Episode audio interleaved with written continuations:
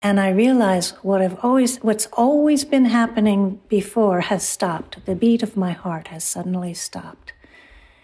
And there's this great stillness it. And yet I am so completely watching that stillness. I was there before the heart stopped, and now I'm still present, awake, and with no heartbeat.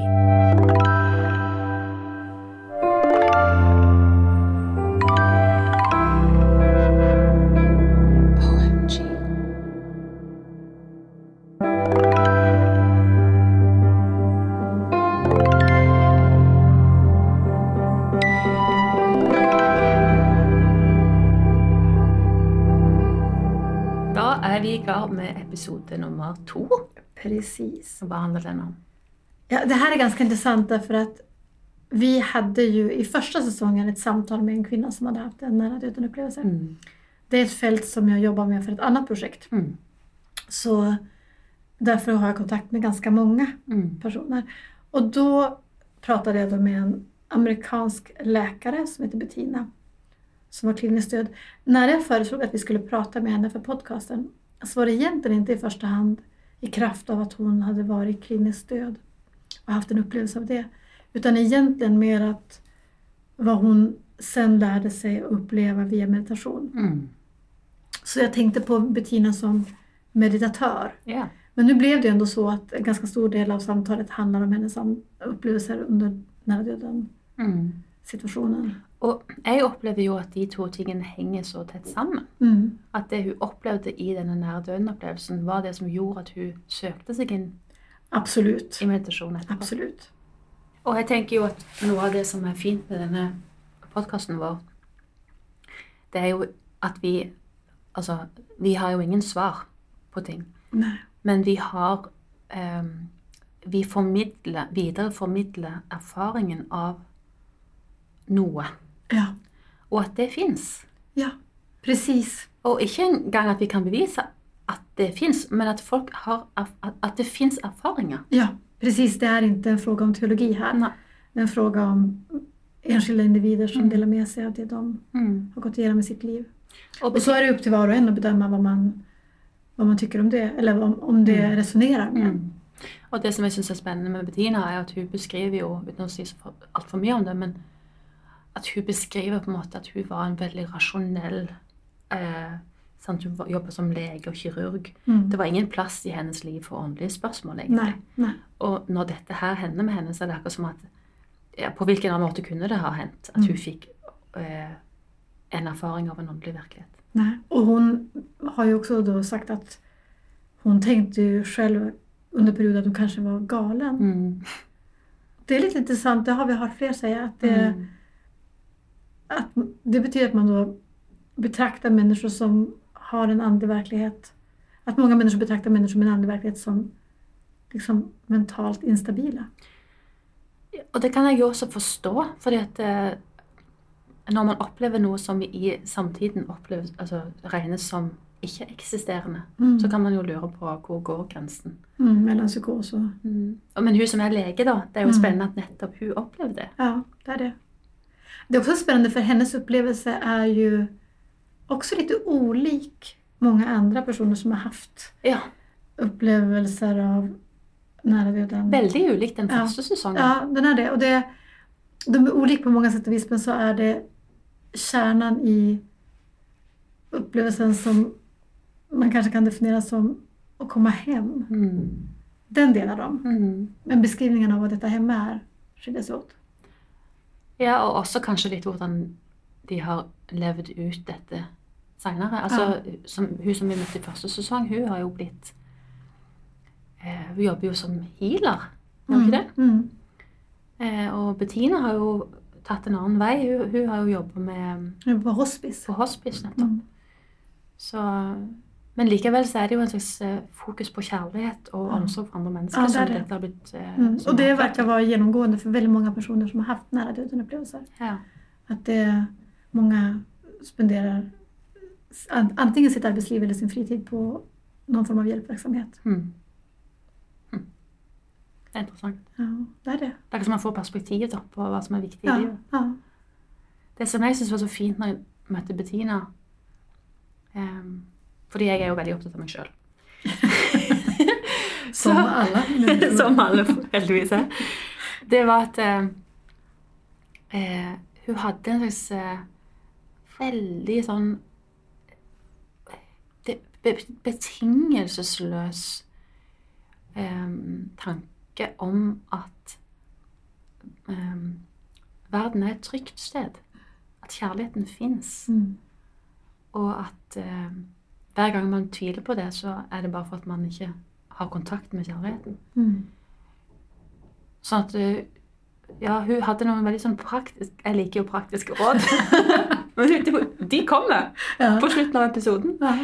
Jag måste säga att jag tycker att det är lite intressant för när vi pratar med folk, det gäller ju generellt. Du är ju journalist, mm. jag är regissör. Mm. Och det, jag, du är väldigt duktig på att ställa frågor och vara tyst och bara lyssna. Medan jag egentligen vill liksom ja, få lite... In i en situation? Ja, jag vet inte. Jag kanske skapar situationer mm. lite mera. Så ibland ställer jag frågor till exempel som är helt fel, som vi klipper bort efteråt. Bara för att jag vill liksom skaka om lite. Men, mm. men oavsett det så tycker jag ofta att slutet av samtalen, när det blir lite mer av dialog, mm. inte bara en berättelse, mm. så tycker jag att det sker spännande saker. Det, det, det kokar till på slutet. Ja, det gör det. Ja. Det så man måste hålla ut på virkelig. alla Och speciellt denna. För ja. det, kommer, det är en så vacker historia, det man bara säga. Alltså. Mm.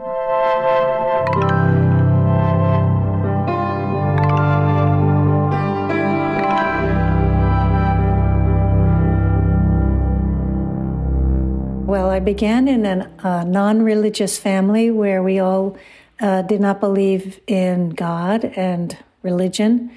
And um, so I was raised in a kind of academic, scientific setting.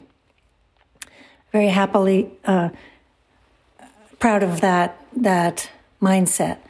Um, but I should uh, go back to childhood, early childhood. I did believe that there was a soul. I didn't really believe in God, but I knew that we were immortal. And it wasn't until I was seven uh, that I talked to my father and he asked him, I asked him what happens after we die. He said nothing. And that's when I realized, oh, okay, this is it. This is all we have, this life here on earth. And I can, I'm brave enough to face that. Um, so I went on uh, to uh, go, go to college and medical school with that same um, mindset. And then uh, after uh, medical training, uh, when I was having my third child, uh, was when I had a near death experience, and that opened my mind completely to the presence of of something uh, way bigger, way more than this physical life. Okay, so would you like to share your near death experience with us? Okay. So um, I had found out that it was a, going to be a dangerous uh, cesarean section because the uh, placenta was covering um, not only the exit of the womb, so the baby had to have a cesarean birth, but also the placenta was covering the front of the inner wall of the um, uterus. So the surgeon would have to cut through the placenta. And the placenta is a big, spongy organ full of lakes of blood. So we knew that I would lose a lot of blood during this particular cesarean. Um, so I had been donating my own blood uh, for the uh, months beforehand. And finally, when the day came uh, for the cesarean section, I was hospitalized for uh, a month before, just lying in bed. Um, when the day came, they rolled me into the operating room. I said goodbye to my husband, and my surgeon came by and said, You know, I'm going to have to do a very large in- incision all down the middle of your abdomen rather than the very customary low, small bikini line incision. So that's when I knew how nervous my surgeon was. And um, I, I, realized this is going to be um, a dangerous operation for both me and the baby.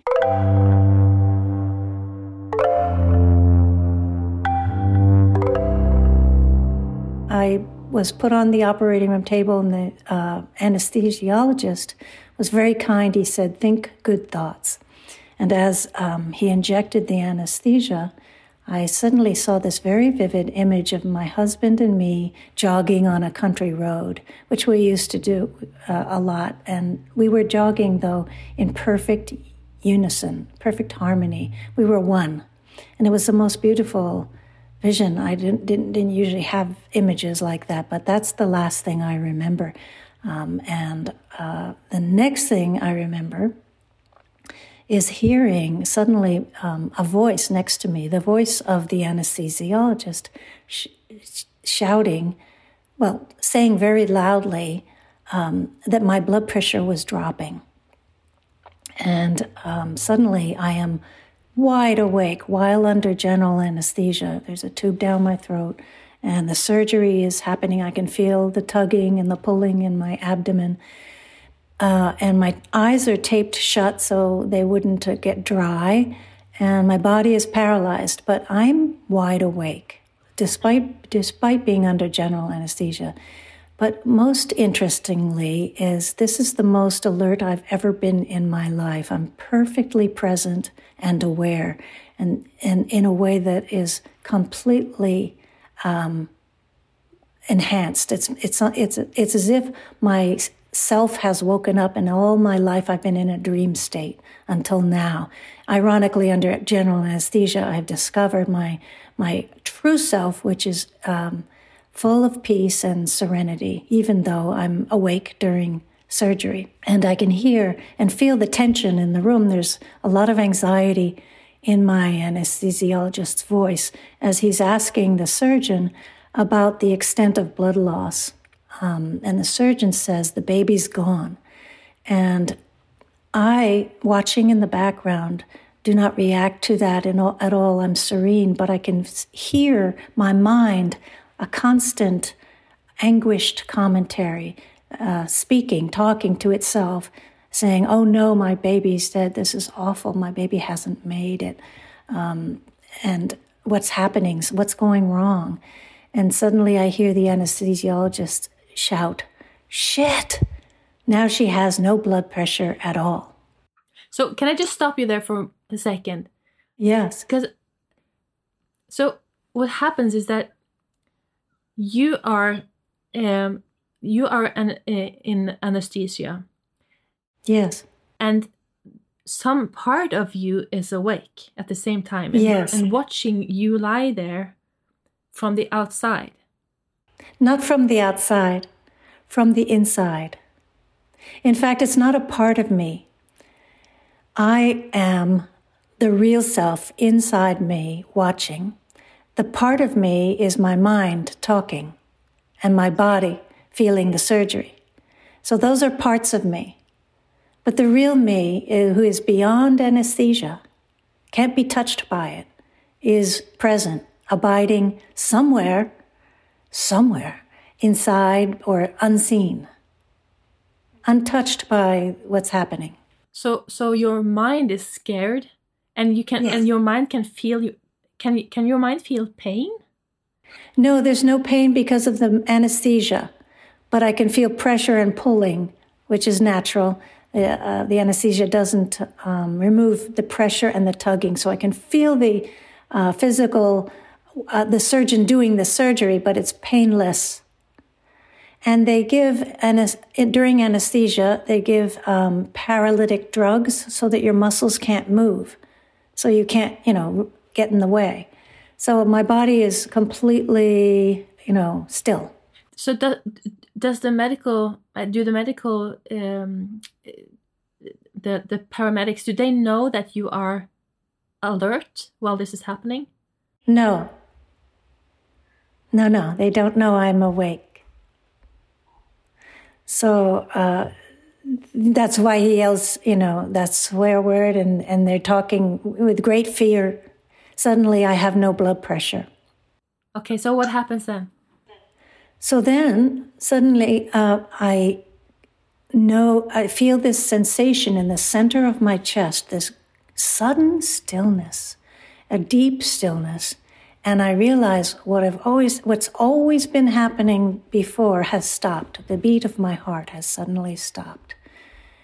And there's this great stillness in it. And yet I am so completely watching that stillness. I was there before the heart stopped, and now I'm still present, awake, and with no heartbeat. And even the cardiac monitor, the machine that monitors the heart, has not yet uh, registered and sent out its alarm. Nobody in the room knows, but but I, that my heart has stopped, and I find that fun, amusing. I'm amused that uh, only I know what is happening at the time. Yes, and then your true self is is amused. Yes, my true self is peaceful, serene, unworried, completely, um, even entertained. This is a beautiful play. I'm watching the story, and nothing, there's nothing wrong happening. You know, it's, it's like you're sitting on your couch watching a movie. You know, it's you're being you just you're just um, entranced. It's wonderful. it's a great story unfolding, adventure, and the there's no sense of any danger. No danger. Um, no threat. I am perfectly safe. I just have to ask one more question before you continue. You said that your mind was anxious and worried, but at that point, does your mind stop? No, my mind has not stopped yet. It doesn't seem to need a heartbeat either. It is, it is now in the anguish and fear and terror that we all imagine. So it is saying, I can hear it babbling. It says, Oh no, my baby has died and now I'm having a cardiac arrest. The worst is happening. Oh, this is the worst. This is the worst. It's the worst. you know, uh, so awful. It's just the worst is happening. And, you know, it's, it's suffering. It's suffering. Uh, but it's actually, there's no second person. I want to say right now, the mind is doing what it does but it is only part of me. There's only one, one self. And my mind is doing the um, melodramatic dance uh, like, like it's been conditioned to do. It's, been, it's like a program, it's just running on automatic. But I, like the actor within the role, am perfectly happily serene and know that I'm safe. So it's, just like a, a a talking costume, a talking personality, but it's not a second self. It's just a role. It's just my apparatus. So, yes, the mind is acting as if it's a self, but it's not. It's just doing its play. So, what happens after? So, then uh, the machine, the cardiac monitor, does register that my heart has stopped and it rings loudly in the room. And at the same time that it, actually, right before the it, it registers and makes that alarm, I start to s- suddenly see everything in the room as if um, standing at the head of the bed. So now the sense of myself is separate from the body. It's as if I'm standing right behind me, looking.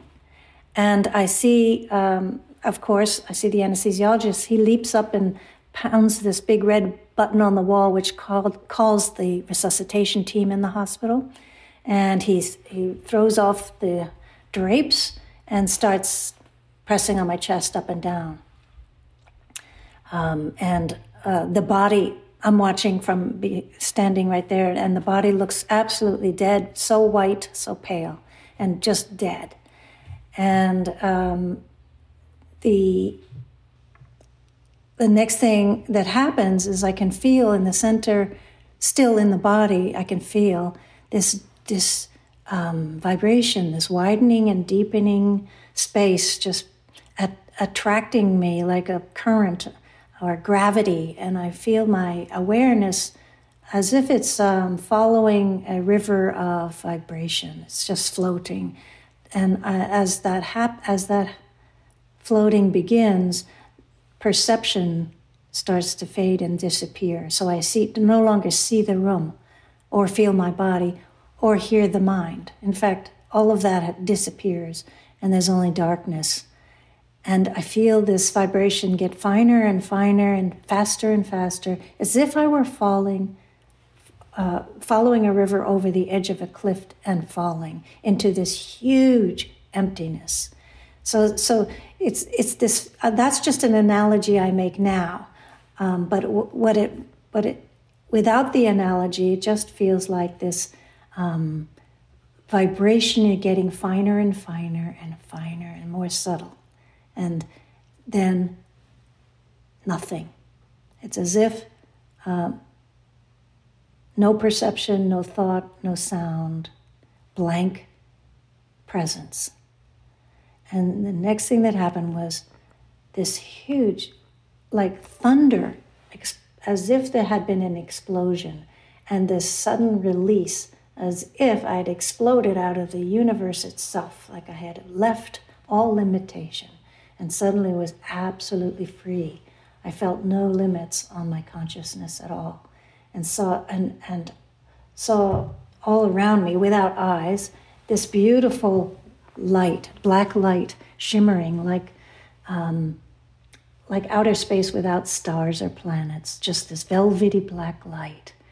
And I, it was, there's absolute deep silence, more quiet, more silent than any silence you could ever hear, the deepest, deepest, loudest silence. And there was no fear, there was only recognition. Ah, yes, this is my original self. This is who I always have been and always am. And the uh, sense of freedom was so exhilarating. I felt uh, absolute jubilation and, and enthusiasm and coming home. And um, yes, that this is the truth. This is the highest truth. This is the absolute truth. I have arrived. And I was the beauty of the black light was so so mesmerizing that I gazed deeply, more and deeply into it. I kept looking more deeply, and then I realized this light was conscious. It's it is gazing back at me with a friendly, without eyes, with the most friendly welcoming. And when that uh, recognition occurred, the realization was that this is God. This is the highest. This is the principle of consciousness. God is consciousness, and I am one with that.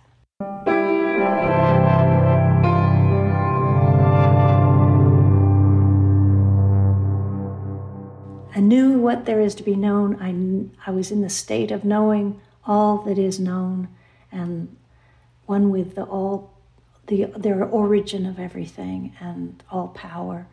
It was a, a state of absolute um, wholeness and contentment, and I rested in that that beautiful home and refuge um, for a, for no time, a timeless mo- moments, and could have been like that forever, until suddenly the the whole space reverberated with a thought. And it wasn't a word or words, and it was a soundless kind of thunder, just a vibration, which translated into words was, You must live, or live, or experience, you know, basically um, exper- experience again. And but it was the simplest is, is, is be. Be. And I pondered what that meant. It was like a koan. It didn't mean anything to me at all. It was meaningless because I am. And so, what does that mean to be? This command to be, to live. And in that contemplation, suddenly I became aware of a flickering, a beautiful flickering point of light in this great vast womb of black light. It was a diamond like jewel flickering, flickering deep within me. And I gazed at it, and as I gazed at it, I started to recognize what it was. And it was, in potential form, the entire universe, all events, all space and time, all experience. There it was. As, as I recognized it was the universe, or all manifestation in one point, I started to understand oh, that was my world. That is my world. That's where I come from. And that I, I was a person in that world.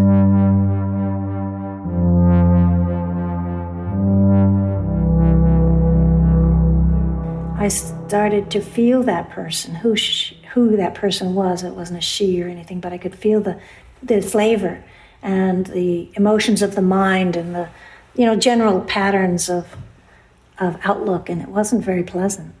it was very negative and cynical. Uh, and again, the, the whole space of consciousness said, be or live, you must live. And I wondered how my vast, how I, vast consciousness, could shrink myself to fit in not only this point of light, but one tiny point of the point of light, a person, and one, you know, one one life. And as I wondered that, suddenly the entire space of consciousness started to whirl like a like a funnel or a volcano, you know, a big whirlpool. It just with roaring wind, I just started uh, roaring and contracting down like a funnel at great speed, like zoom, and suddenly, opening before me was the uh, scene in the operating room, as if I'm looking in on that tiny universe into one of its windows, one of its events, and it's spread out before me like a screen, like a, or like I'm on a second balcony of a of a theater looking down this beautiful play that's happening. And what's happening is I can see the body that is going to be mine on the table. All the drapes are off it. It's naked, and there's blood on the floor. There's the body is filled with blood in the abdomen, and it looks absolutely uh, unsavable and dead, permanently dead. And all the resuscitation team members uh, members are running into the room and taking their places around the body, starting to do all the things that um, are done during a resuscitation effort, putting a a line into the vein of my neck, threading it down into the heart, um, continuing the chest compressions, lines into my arms, um, shouting orders. The surgeon is, is uh, working in a field, uh, in a whole lake of blood, trying to uh, take out my uterus so as to stop the bleeding. And um, I am watching from above as if, you know, 10 feet above, let's say, cheering everybody on. They all uh, feel, I can feel uh, their minds and their feelings. I'm one with them and I'm one with the body. I can feel all the sensations. They've turned off the anesthesia because it helps for resuscitation. And so I now can feel all the physical pain as well. And uh, from this state of the, of the transcendent self, the pain is vivid, but it, there is no suffering at all along with it. Um, and so, I, as I feel the negativity of all the team members, they not, they have no hope that I'm going to live. I, st- I can feel my uh, energy, the energy of the great consciousness, pouring into the room. And in fact, it is one with the room. All of the people are made of consciousness flowing, and the light is is one one big beautiful movement all in harmony. Nothing is going wrong. Everybody's doing the perfect thing uh, that they must do. And I'm wordlessly pouring encouragement into, into the room in, in the form of consciousness and light and love and joy.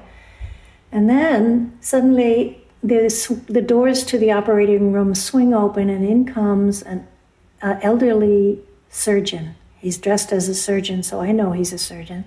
I've never met him before. I used to work at this hospital as a doctor, so I know many of the people in the room.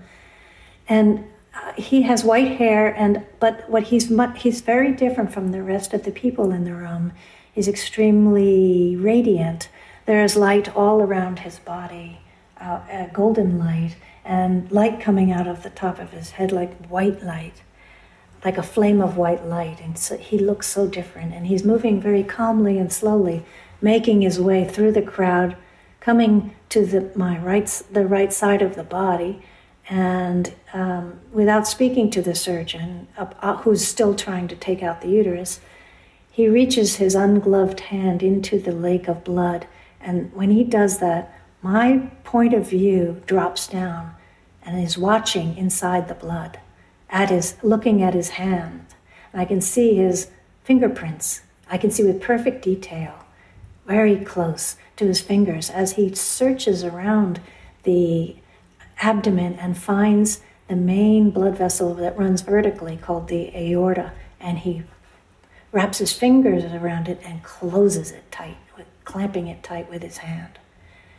And the minute, the instant he does that, all of my awareness enters the body and uh, is concentrated in, in the point of my aorta that he's holding, which is a intense, uh, vivid pain, worse than any of the pains, more intense and powerful than any of the pains so far. And I become one with that intense pain. All, my consciousness just merges with it. And suddenly, within that pain, there's an explosion of white light. And it is the white light of consciousness exploding within the body like liquid fi- white fire. And it makes, um, it reforms the body. It uh, first uh, flows in all these subtle uh, channels, much more delicate and tiny than nerves. It's not the nerves, it's what I would learn later about in yogic philosophy. It was the nadis, the energetic channels that run throughout the energy body. It, so it filled those, energizing that level, then to the physical level, and then every cell was lit up with that light. And that light was made of uh, healing, wholeness, um, life. It, it healed me on the level of the body and the mind uh, fully. I was completely made new in that light. And it spread beyond the li- uh, limits of the skin into the room. It was beautiful. It just illumined the whole room. And still, yeah. Just wonder was it the energy from that old surgeon that healed you, or was it your consciousness going into that pain? It was my consciousness going into that pain and explode and and expanding it from that from the viewpoint of the body from the local it localized itself in the body and released itself with a great explosion of energy. So his hand you know um, causing that pain it all it all is a beautiful everything's connected. So his his his his simple gesture was critical. But the energy did not come from somewhere else, did not come through him from somewhere else. It came from consciousness, from me. It was me exploding into form again. That's what was happening. So uh, it, it may seem, and I did think for a long time that they had been channeled. But then when I started understanding more about who I am over the years of pondering this experience, I, I completely understood that no, the energy didn't come from somewhere and come into the body. It was, I am exploding as this body. And his gesture was a help and a wonderful service and a neat, you know, critical action, all part of the perfect dance. Um, so, yes, he, he was part of saving my life, but not a different source of, of that healing energy. Um, and so I felt completely healed and um, in perfect health, and yet my heart was not beating. it was still not beating. And I was wanting to jump up and just tell everyone, you know, um, we don't die. I am fine. Everything's fine. I know my heart's not beating, but I am going to live. Everything's. I was just full of absolute joy. Now I'm starting to identify as Bettina again because I'm localized and I'm starting to. Uh, uh, the mind has been impacted this time by the energy of consciousness, and so it has seen God, so to speak, and it thinks that God has come into the body from somewhere else and um, inhabited it it feels like it has been taken by God. And it's so happy and because it's in love now with that. Uh, so the mind is greatly uh, enthusiastic and the body feels completely healthy. And then, um, but I had to wait several more minutes um, before the surgeon who's holding my aorta says, Stop everything. He could feel a pulse. And, and sure enough, my heart had, had restarted. And then they kept working on me for another 40 minutes or so uh, to stabilize me. And I had to wait so long until I couldn't wait to tell them what had happened, that I was aware the whole time and that we don't die and, and God is real.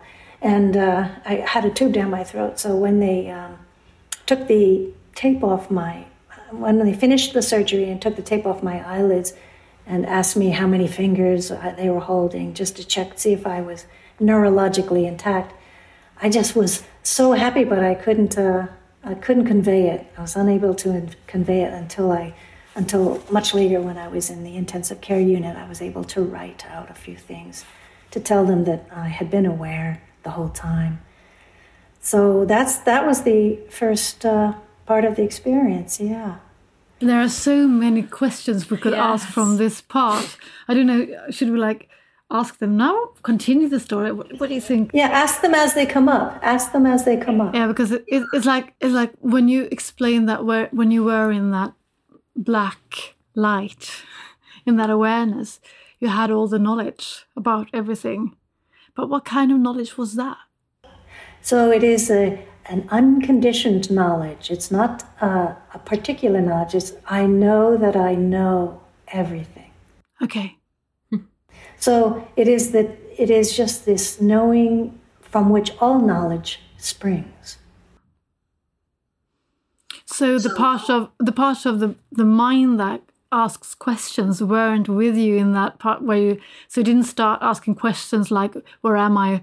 Where is this situation? Right. Was the mind is not present, was not present. No. The mind has gone silent. Yeah. It is at, at that point the mind had fallen silent. It's as if I were in a deep sleep and not dreaming. The, the mind was dormant. So it was not talking. There were no questions. I, I was one with that original self that we all are, and that knowing. So there were no questions. The questions all have dissolved in that space into knowing. Do you think that you were sent back? Um, I brought myself back. I saved my own life. I wanted to experience again out of pure joy, desire to live. Yes, let's go back. It wasn't because I had I had no memory in that space. There are no memories. I had no memory of a beautiful husband, a beautiful um, twin baby boys, or or the baby that had uh, supposedly not survived. I had no memories, but it was for the joy of living the joy of this adventure that I just a creativity wanted to create some more. Let's let's have more story. More story, please. More, please. so you know, it wasn't that I was sent back. It's that the great the great creativity can't help it. It just keeps creating, keeps creating, keeps creating more more more. But it's like when you are in that space it can kind of sound like loneliness at the same time.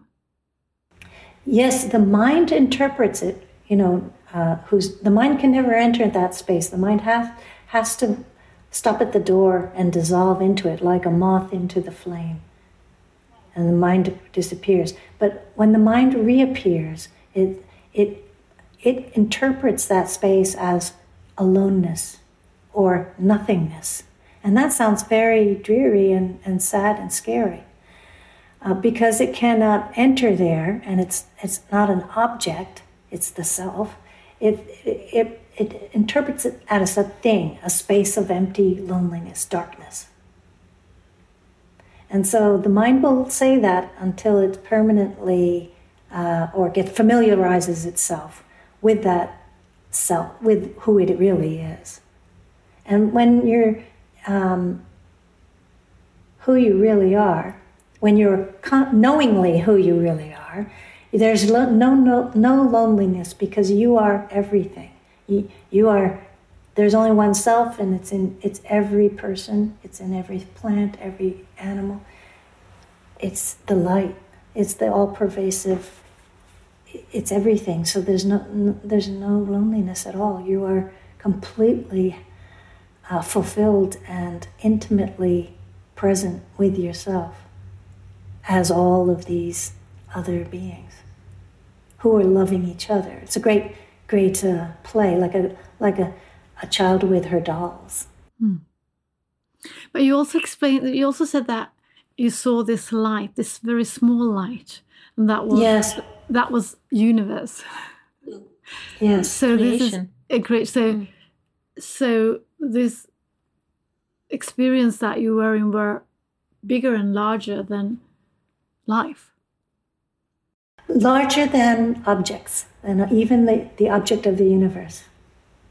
So the universe was within me, was within consciousness, not within Bettina, within consciousness.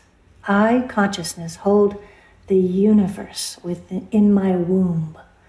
I hold it in my heart as an idea. That was a potential form of the universe. Everything that ever happened, everything that ever could happen, was happening at once. Yeah.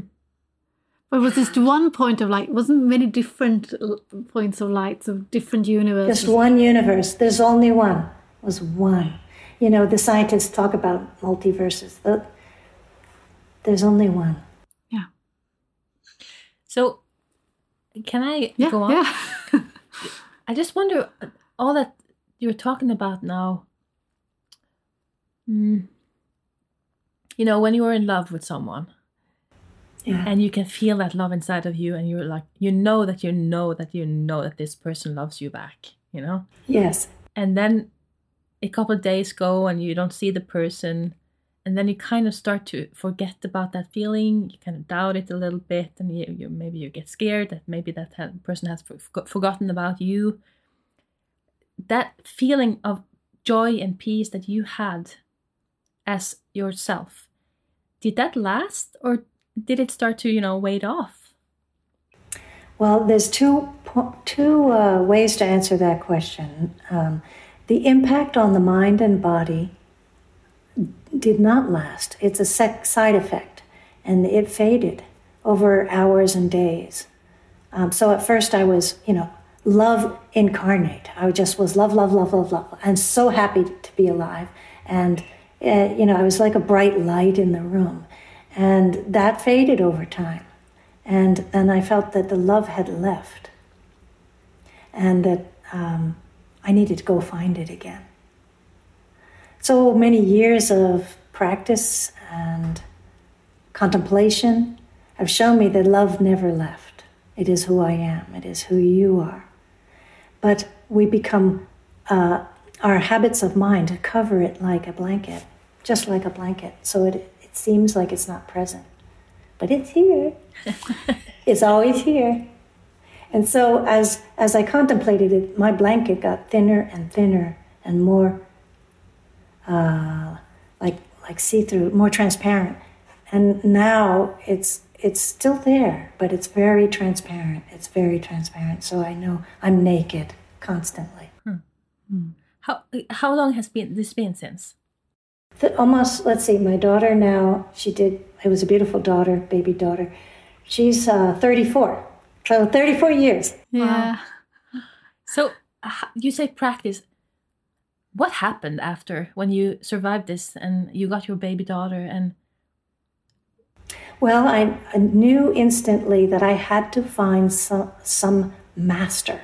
Like, I had never even heard of the word meditation. This was long ago, so there was no internet. And I had never, as a scientist, been uh, in any alternative bookstores or anything. I wasn't interested. So I didn't even know the word meditation. But I knew that this experience I had had um, was possible to live in all the time. And I've said, I, must find someone to teach me how to live that all the time. And it only took me one year to find a master of meditation who was uh, established, who is established in that all the time, and who showed me the minute I met her. Um, again, that same state. I entered that same state. It isn't a state, but I re um, recognize, re-recognized my who I am in her presence. So I knew she was the real master, and since then have been guided along back to many more exper- clear recognitions um, of my own nature and nature of, of all, all the people around me and all the things around me. So that I'm not established, I'm not a master, but I'm uh, on my way. Mm.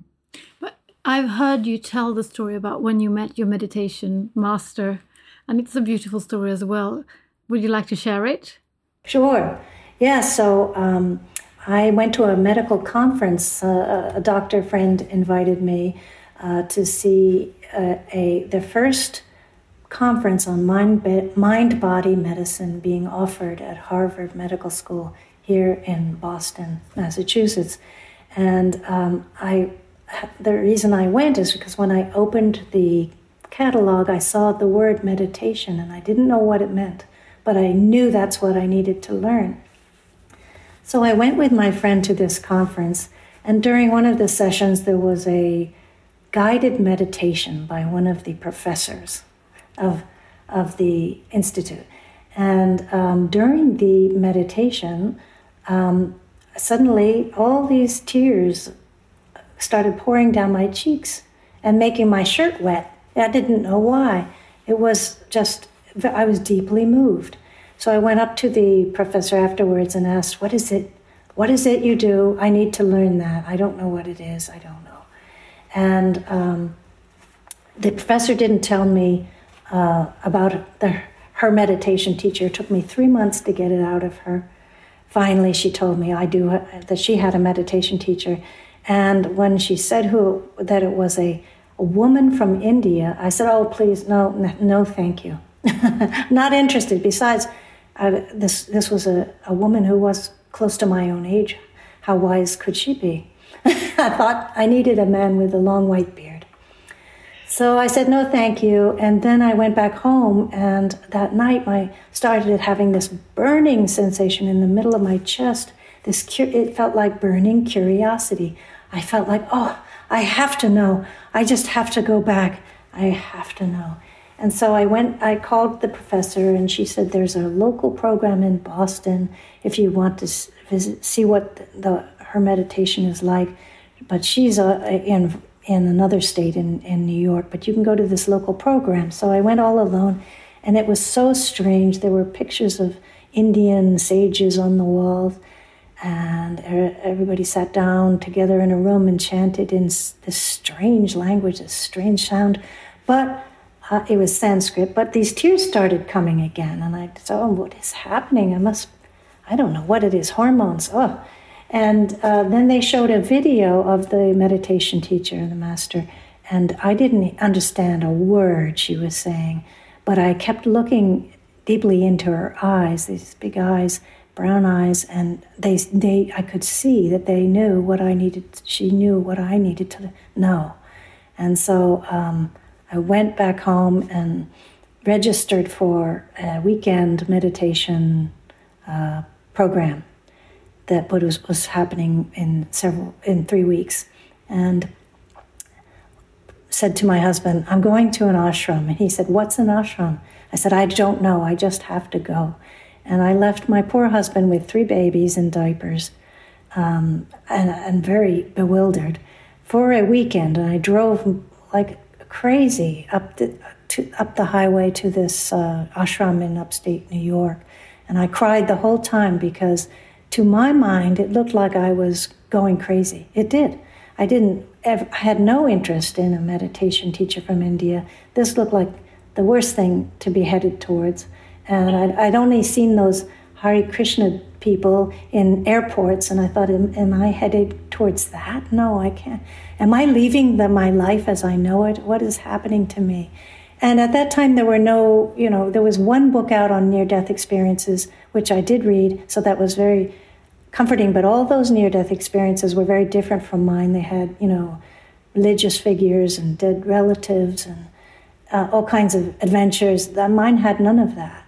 So I didn't relate to the near death experience stories as much either. I felt on my way to this ashram that this was, um, that I was going to, you know, go crazy and I was crying and crying, but I was also crying with this great love. The same uh, tears were pouring down and it was love, love, love, love. All I felt was love and I didn't know for what. What, what, what is this love?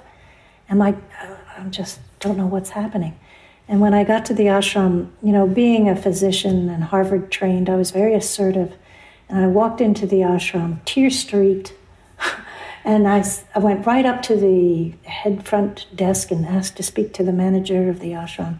And they said, "You can't. No, here, here, here's somebody you can speak to." And but I, I said, "I need to speak to um, the the teacher uh, right now."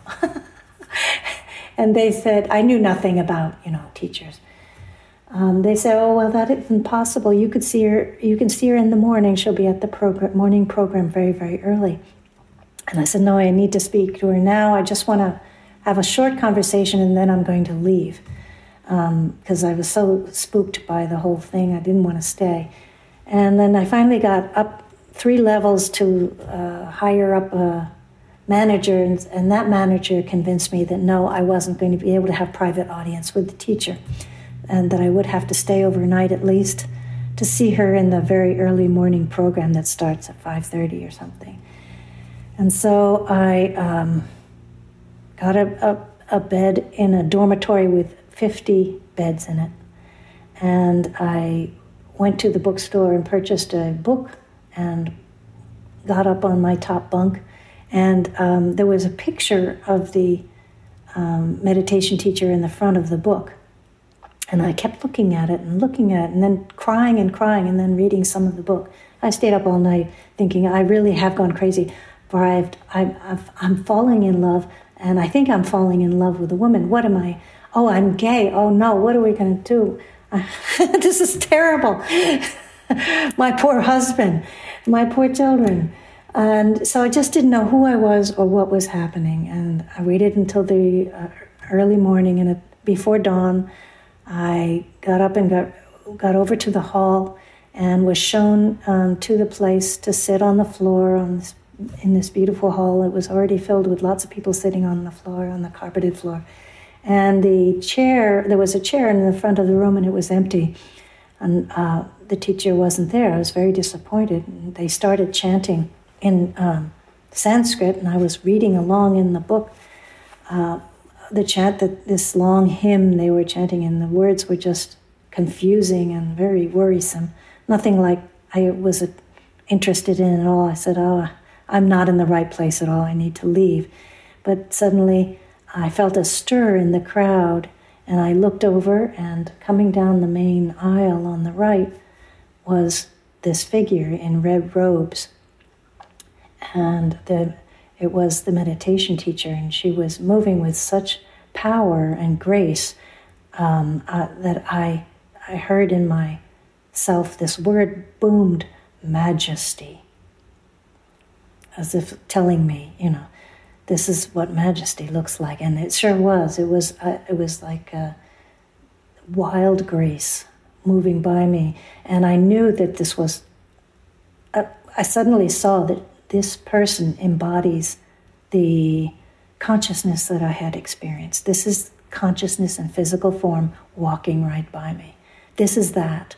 And the moment I recognized that, my heart started to pound really quickly, as if it were terrified. And the master took her seat at the front of the room, and I was um, suddenly my spine elongated like a spring released, and my head was above the crowd. They were all looking back down at their books and continuing to chant. And I was staring at this figure in, in, in her chair. And I knew that well, nobody else was doing that, but I couldn't stop. My eyes were riveted. My whole body was made completely still as if I was nailed to the floor. And in, and the teacher was looking at her book and chanting too. And suddenly this voice boomed within me, the voice of consciousness. It wasn't my voice, it was look at me. And I, I thought, who, what is that? Who's, who would say that with such authority? And um, I, my heart started to pound much faster, and I thought, oh, am I having a cardiac arrest here? What's happening? Am I going to die in an ashram? I was terrified. I felt like I was about to die. And uh, suddenly the voice boomed again Look at me. And that, then my heart started vibrating like, like a buzzing. It was, it was beating too fast for a human heart. And I thought, how can my life even be sustained? But uh, it, I, I'm still sitting straight, straight up. And then the third time, look at me. And at that third time, the teacher raised her face from her book. She looked straight ahead into the crowd, and then her head started swiveling slowly, moving towards my direction. And as that happened, the fear of um, as if I were going to die got so powerful, but I, I wanted to run out of the room, but I couldn't move. And my couldn't even close my eyes. They were the eyelids were open and that there was nothing I could do. And I knew the exact instant that her eyes met mine. There was a flash of light, and suddenly it was as if we were connected by a, a tunnel of light, and then it was as if I have, had fallen into her, and we were in that space of beautiful consciousness as one. The same beautiful black light, uh, limitless, and her, and my own self and her own self. We, neither of us, neither of us present, and both of us present. No form, no limits, and absolute welcoming. And I heard her voice say, Welcome home. You have come home. And when that was said, it was as if the highest point of the great vastness of consciousness opened up and let down a waterfall of bliss and blessing and light and love. And I was just overcome by this downrush of divine power and blessing. And um, the next thing I knew, I was um, aware of body again, and my I could feel all this wetness on my shirt, and I opened my eyes, and everybody was still. This was a very long set. They were still chanting, and I had been in in some other state for a long time, and I was. Uh, the teacher was still chanting. She was back back to looking at her book, and I was uh, unable to sit up straight because I felt absolutely drunk with bliss. I could hardly sit up. I was leaning on my neighbors. They, they seemed to understand, they were smiling. And I was uh, continuing to weep with joy and weeping, weeping, weeping. And when the, pro- when the teacher left the room and everyone le- uh, left the hall, I, could be- I had to be helped out. I, w- I could barely walk, and I staggered around the ashram just in a state of wonder and uh, awe for three days, and then managed to drive back home. and uh, managed to go to work on Monday even. Um, it was it was an incredible uh, reintegration and um, grounding process that followed of um, being able to function with a great amount of joy um, rushing through the body. And that bliss lasted for weeks and weeks. To me, that moment of meeting the, great, the true teacher, was even more precious and wonderful than the awakening to the true self that I'd had during the cardiac arrest. Because what it showed me was that yes, I can. I too can live as, as pure consciousness in this body, as this body. And there was the example of it right in front of me. So, did you was it was it the teacher or was it the meditation form? Or was it a combination? Could you stay stay with it without her and just by meditation afterwards? Um, the teacher uh, somehow something um, powerful happens when you're in the presence of someone but nothing is transmitted. It's what, who you are wakes up. You know, and you may have many experiences of light or energy, visions, um, but it's you unfolding, it's you expanding, it's you blossoming in the presence of another who is awake. Hmm. You know, what you're telling is in a way similar to my experience when I was 13 when I was baptized in the Holy Spirit. Yes. You know, someone was taking their their hands on my head and praying and I had this feeling of like a waterfall on my head. So it's very strange and beautiful what you're saying. I just wonder if you think it's the same thing. Yes. And that waterfall is you. It didn't come from outside. The baptism is a beautiful um, carrier for that prepares the way for awakening. And it happens to some people some of the time. Not all people have that. But you were ready. So so that person that prayed for me kind of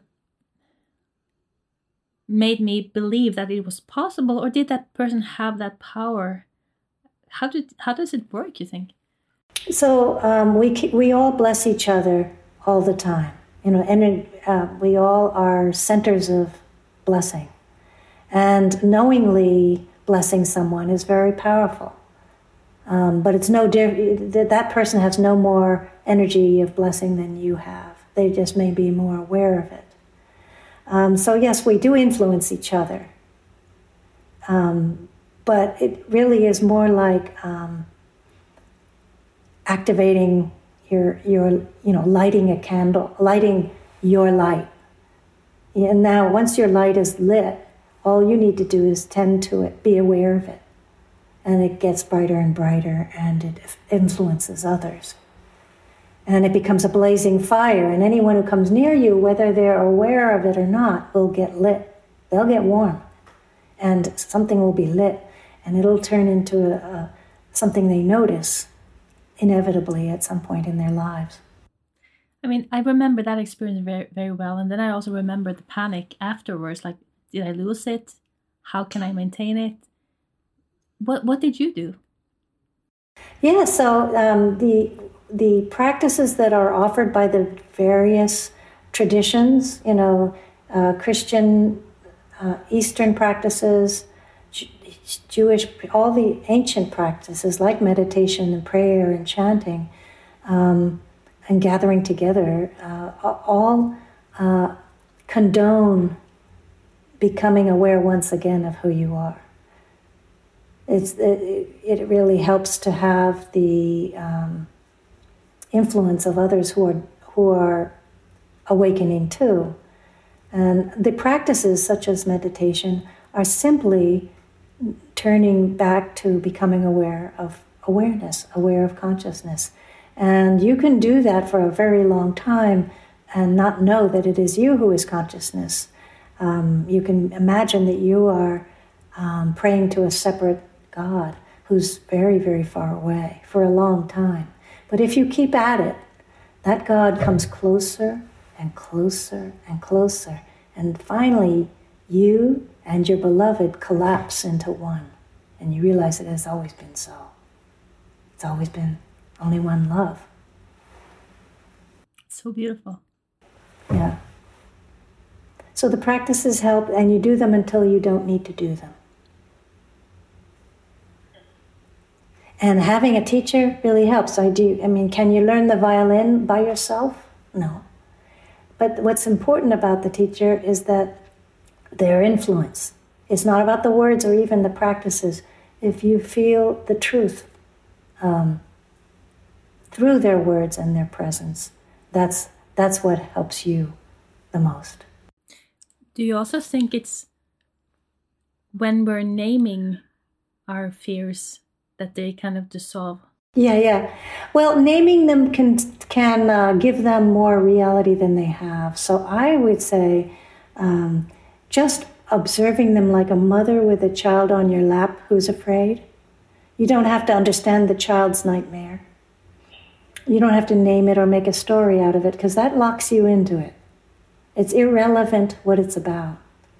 Because all fear comes from the fear, the, the, the wrong idea that we are limited, that our life is limited, and that it's going to end. Tell me more about that. Well, we've all in our society, in a modern society, scientifically minded people have been taught and conditioned since the very beginning, as I was when I asked my father what happens after we die, to believe that we are limited and that we share the fate of this body. That when this body dies, we die. And we're taught that this that uh, who we are is actually a byproduct of this body. That this body is the primary reality, even though it's only lasts a little bit, little time. So we think that um, when this body dies, we won't exist. We, we are, and that we are just something made by this body. So we've been minimized, downgraded to um, something very irrelevant and unimportant, and it's very sad by our society who doesn't know to look into the nature of consciousness itself by wondering, who am I? Who, who am I?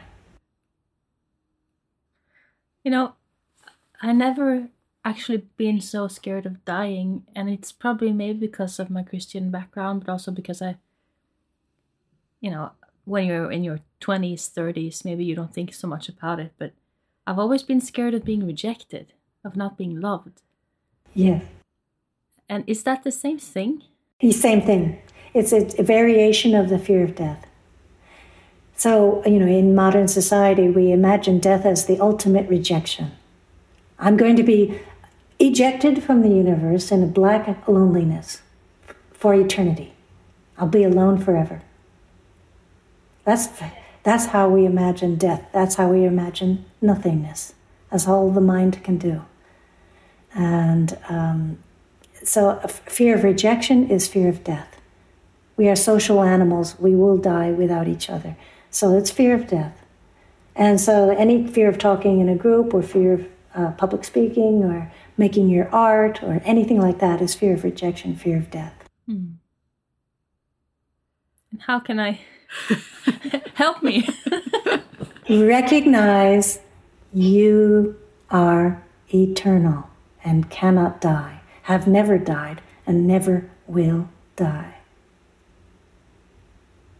You cannot be rejected. So if I if I feel rejected, it's just a, my mind playing games on me. Yes. I remember when I was lying there in the general anesthesia, the mind is going crazy with anguish and fear. Um, but I am watching with benevolent indifference, like, a, like the kindest grandmother. You know, I feel for the mind, although I know the mind is just a function. It's not actually a person. There's no person, no second person. So the mind is this like twitching muscle, and it needs some comforting, just like a tense muscle. And um, until it becomes aware of me, the self, it will never rest. And uh, so, the, what you can do to reduce the mind's conditioning programming, conditioned programming, is to find out who you are again and again, return to yourself. Yeah. I'm here. You can say to the mind, I'm here. I'm here. I'm here. You're always here. I can I had an experience the other day that I thought about when you talked about you know the mind and the and the real self. Um, I'm a, I do some voluntary work, and then I answer. Well, I talk to people that are ha- having severe depressions, and the other day I was talking to a girl that was very depressed, and I can't give you that much details because it's classified, but she was struggling uh, very hard that evening and and didn't want to live, and we were chatting, we weren't talking, we were chatting. So, and I was trying to constantly write things to her to keep her, you know, to give her hope and to tell her that she was loved. And I was using all the words I could. But at the same time, as I was doing that desperate work, because it was really hard, she was really in a hard place. It was really hard, you know, trying to, to give her some energy. At the same time, it was a part of me that was really calm and kind of knowing that, oh, this love is so much greater than what she's going through. This is not, you know, mm. this is this is going to work out. this is present here now. Mm. Um, but at the same time, I couldn't, you know, I couldn't lose the feeling of having to write all those things all the time. I was exhausted when I came home. Yes, yes. So that you refer to that aspect of you who knows it's all right as a part of you. Yeah. I want you to flip that and trade places. Okay. That is you, and the part that's typing and trying to help and and and really exhausted after it is the part of you. Yeah. It's an accessory. Yeah. It's your it's your mind and body. It's your body mind. Yeah. And that's part of you. you you've you've taken on something additional in order to uh, live and create in the you know in manifestation. But there's more to you, way more to you yeah. than this little part, this fragment which is Anne, and Anne's thinking and Anne's typing. So, so flip it back to the original. This is the part. This visual, visible image is the part. It's the part you're using to, to have a great life in this in manifestation. But the, the that other aspect, which is invisible, untouchable, un, un, indescribable, that's you. And that's the that is you and it's not a part it's the whole and i also think that that relates to you christina mm. in your case because you also have a lot of that in yourself mm. being that and then the mind goes off mm. sometimes yeah yes it seems to come and go but you know um, it's it's not like clouds in the sky that come and go what comes and goes is the part the image of our body and the thoughts in our minds and the movements of our fingers on the keyboard that comes and goes. But the blue sky is who we are. And that doesn't come and go. It is covered by all our typing and thinking and worrying. By those are clouds. Those are the parts that cover it. And so we think oh i'm gone. I'm not pre- i'm not present. Well is the blue sky always here? Yes it's always here. So you said you can say, I am here. Yes, say, I am here. Mm. And remember, I'm like the blue, I'm like the sky, I am here. Mm. I maybe, maybe you can't feel me, but I am here. Mm. So, what other things can I do to work with my anxiety of being rejected? The the the one most wonderful way to handle fear is to recognize who you are because who you are is fearlessness. So don't touch the fear. Just return again and again to who i am. Just wonder again and again who i am. It it will draw you in that current of vibration that i was talking about. It will draw you to itself like, like an embrace, like the beloved embracing you, encircling you, and you find that you are absolutely secure, fearless. And then you comfort your mind, then you comfort your body. The body takes the longest. All the contractions and uh, aches and pains and, and nervousness takes a while to uh, allow itself to be permeated by this peace this great peace and happiness and fearlessness. So it take it took me thirty, you know, twenty something years to feel peaceful a lot of the time. uh, Sometimes when I'm when I I know in my mind that I'm not my fear, and and, and I have a some a, a kind of connection to that knowing, and then my mind kind of works really hard to you know stay there, but then my body shakes it's where like I'm realizing, oh, I can't fool myself. I'm still scared, you know? Yes, yes. And, and it's, it's beautiful because, you know, there I was lying there under general anesthesia, awake, while my mind was terrified. terrified. And I was not. So you might have a terrified thoughts even.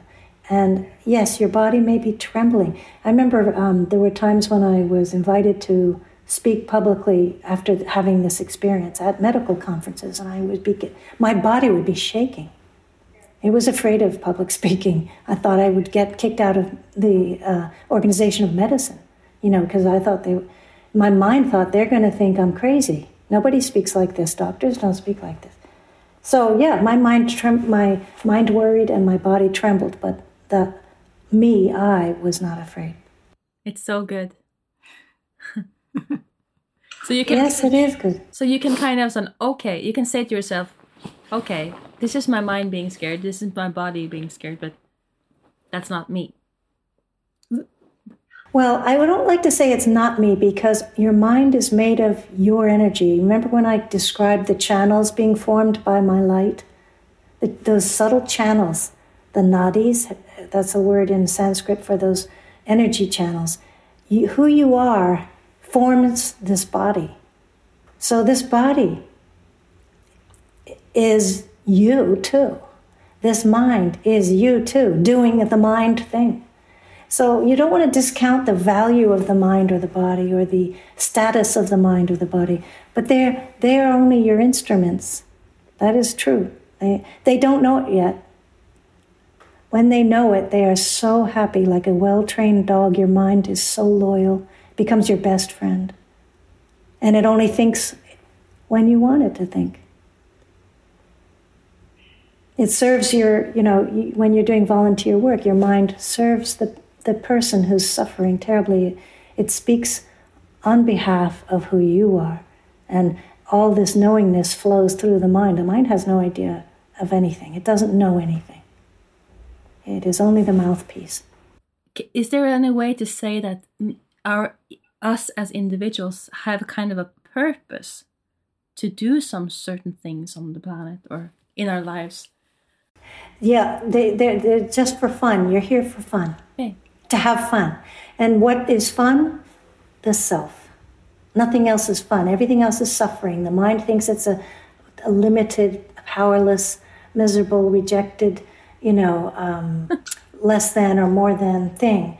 And fun is the great happiness that you are. So you've come here to be the, to recognize who you are, which is happiness, in form as Kristen. Yay! I'm having so much fun as Kristen. And, and, and to share who you are. So when you see somebody else recognize who they are, there couldn't be any more fun than that. Hmm. That's the most fun, is watching other people uh, wake up and to joy, to the joy that they are. And it keeps, the joy keeps growing. It never plateaus. It's always blossoming wider and wider and wider. And so do what you love. If it's helping people who feel suicidal, I mean, that's what I loved was helping people who were dying. I did that as my career. I switched uh, right away after the near death experience to hospice medicine. And that was what gave me joy, so much joy.